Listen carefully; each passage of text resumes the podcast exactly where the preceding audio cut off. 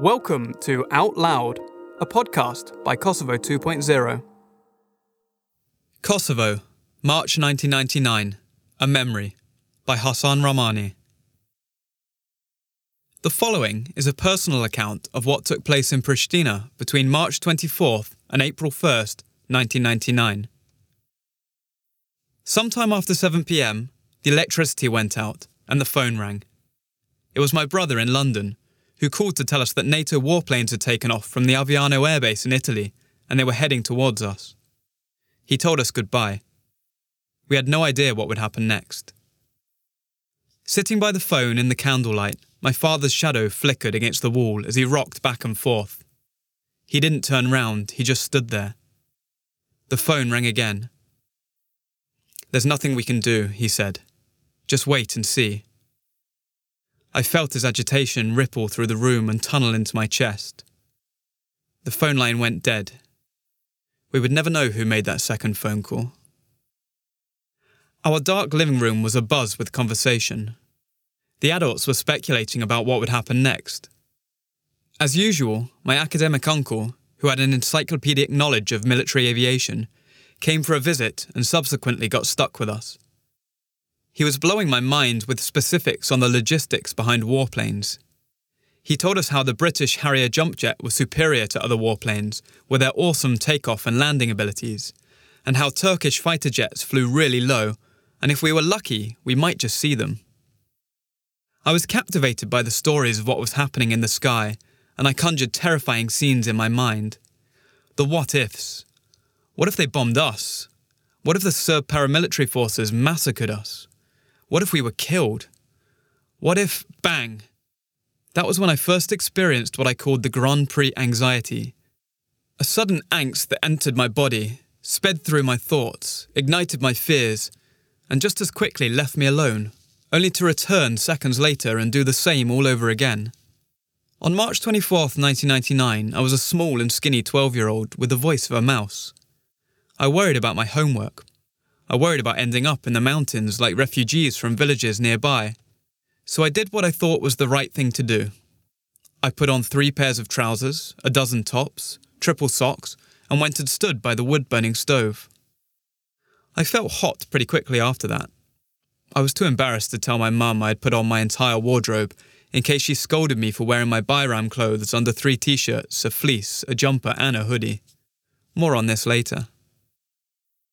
Growing up in Pristina was fun.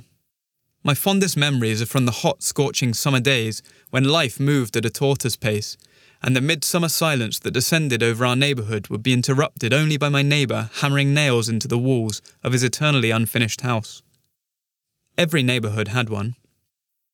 We had the hammer guy. My friend street had the axe guy splitting tree stumps into firewood, chop after chop, or the guy with the brusalits. Life was simple, I was happy. But all of this changed when my brothers introduced me to Adem Jashari. On a winter evening in 1998, we were flicking through German satellite TV channels before going to bed. ProSieben, Vox, RTL, Deutsche Welle, the news from a dozen different countries. Then, on comes Kosovo. My two brothers and I fell silent as we caught the beginning of the voiceover, which went something like Kosovo, then Das ist Adem Jashari, showing this scruffy, bearded man holding an AK 47 and entering an Albanian order. My brothers were excited. I'd never seen a Kosovar holding an AK 47 before. I had no idea who this man was. He looked petrifying. He had an intense look, a dark beard and long hair that made him look like he had seen plenty of life. He looked exactly like Baba Roka, a made up monster that I had believed was living behind my house. When the news segment ended, I asked my brothers who he was. They told me he was from the Kosovo Liberation Army, the KLA, and that he was coming here this very evening to sleep under my bed. I laughed at them so they didn't think that I was scared, but on the inside, my thoughts went along the lines of, Oh my god, oh my god, oh my god. Baba Roka knows about me. Shit, shit, shit. Sleepless, I waited for him that evening. He never came. But the war did. It didn't come in the way I expected it. I imagined choppers like the helicopter ride in Apocalypse Now, with heavy artillery booming in the background. It was the opposite. It came in five scenes, with some extra dollop of B roll for cutaway. Scene 1 March 31st, 1999. I was outside on the front porch when I spotted a man jumping over my uncle's garden fence. He turned round to help two others over the fence to join him. They wore balaclavas and army clothes. Each one carried four or five small, white RPG missiles on their backs, and at their hips, long Swiss army knives. They looked a lot like the paramilitary Serb unit called the Jackals. They moved fast and headed towards our home. Meanwhile, my mum was inside trying to catch an afternoon nap, when all of a sudden a whisper from my brother Come on, come on, quick, quick, quick, quick. Next thing I knew, we were running. Scene 2 I was in the back seat of my father's car, an Opel Ascona 1.6D. My brother was sitting next to me. My dad was driving out of our narrow road while speaking to my mum in the passenger seat, saying something about driving to the border. A split second later, he shouted, Duck down, duck down! We heard bullets fly through the car. The sound came in threes as if someone out there was zipping their coat really loudly. Zip, zip, zip. The balaclava men missed this time. Perhaps those were warning shots. After that, we abandoned the car and joined the crowds on foot. I must have fainted shortly after that. Svesto imaš pare, dokumenti, nakit ostavi ovde. Everything you have, money, documents, jewellery, drop it here, shouted a young Serb paramilitary from his perch on top of what looked like a T 72 tank. Parked next to it, a police Pinzgauer. Three more mercenaries were holding black bin bags, stripping everyone of their identities and any valuables they had. Beyond the checkpoint, we formed an orderly queue of five people and walked the line. The silence was eerie. No one looked up. I'd never before witnessed a queue in the Balkans as quiet or as orderly as that one. Scene 3 we walked past Pristina's World War II memorial for the partisan fighters, commonly referred to as the Spomenik. A rumour was spreading amongst the crowd. It had probably started with a sneeze from someone at the top, which, by the time it reached my ears, had become the certainty that we were now being led to the National Stadium, where we would be massacred, Srebrenica style. My Monte Carlo Grand Prix anxiety returned. My muscles started twitching in a way I've never felt again to this day.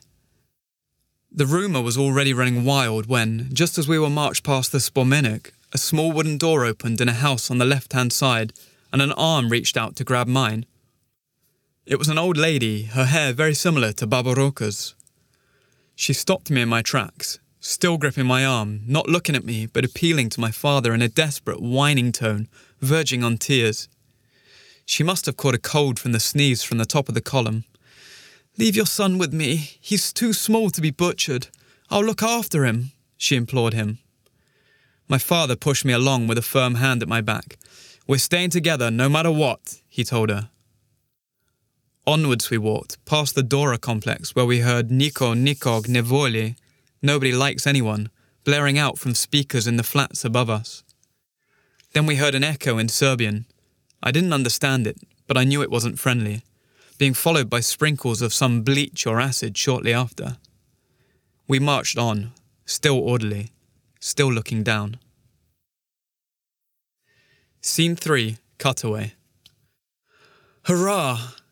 The joint fear amongst all of us, the feeling of taking our last steps before meeting our destiny, did not materialise. It was the train station we were heading to, not the stadium. I somewhat relaxed. At this moment, I remembered that I was wearing two layers of jeans and two tops, one of which had been sent to me by my brother in Sweden and had never really fit me. He would send me clothes that were bigger than I was, but my mum insisted that I wear them and show some respect, God damn it! Twice a year, during Bayram, or Eid, you would find a skinny little boy floating his oversized Western clothes. I quite liked that lanky style. Scene 4 there was elation and uncertainty as the orderly queue joined the frenzied crowd in front of the Pristina railway station. People moved around, trying to find out what was happening. Coaches arrived in the station car park, and rumours started anew. My dad decided that we would wait and not rush to board either a coach or a train. We moved to the platform where a train sponsored by Yugoslavenske Željeznice waited as the scrambling mass attempted to board. The crowd was aghast as a young woman, who had managed to board through a window, reached out with long, skinny arms stretching as far as she could to reach something, someone. As the train began to move, she pulled her hair and waved her arms wildly, screaming all the while. A baby, wrapped tightly in a bundle, rose on arms that carried it above the crowd of heads. But the train drew away, her arms kept waving, and the baby stayed with us on the platform. The remaining crowd spread out along the railway track. You could see how many people there were. Serbian snipers shot at us from houses above us in the Dragodan neighbourhood, now called Arbore. I don't think anyone was hit. We found space on the track to sit down. The whole of Pristina must have been there. I saw the guy who sold me my first Tetris game. My Albanian language school teacher was there, his wife, and another teacher. My cousins, distant ones, the ones I saw at weddings, were there. The whole city and its surrounding areas were there. And then there was the railway man, an Albanian, still on shift, still working. He wore a navy blue suit and a vivid red hat. After seeing the train off, he reset the tracks before returning to his ticket office, the shelter, as we used to call it. He would get very angry about eight hours later as darkness, with a pinch of cold, descended on the platform. People walked aimlessly up and down to ward off the chill. Someone discovered that the Pristina railway station not only boasted a very dedicated Albanian station master, but also had a large stock of styrofoam in a derelict storehouse. Blocks of styrofoam were soon flying out from the broken gate. Everyone had some. My mum wrapped some around me, and I rested my head in her lap, my body lying along the length of a wooden sleeper. I played with the stones between the tracks until I fell asleep. Scene 5 I opened my eyes to darkness and mayhem, and I was not dreaming. I'd fallen asleep on the railway track under styrofoam with my mother and half of the city sleeping beside me. Everyone was running about in a frenzy, jumping back onto the platform, screaming at others to clear the track. From some way off, a white light was getting bigger and bigger. The frenzy did not stop when the train arrived.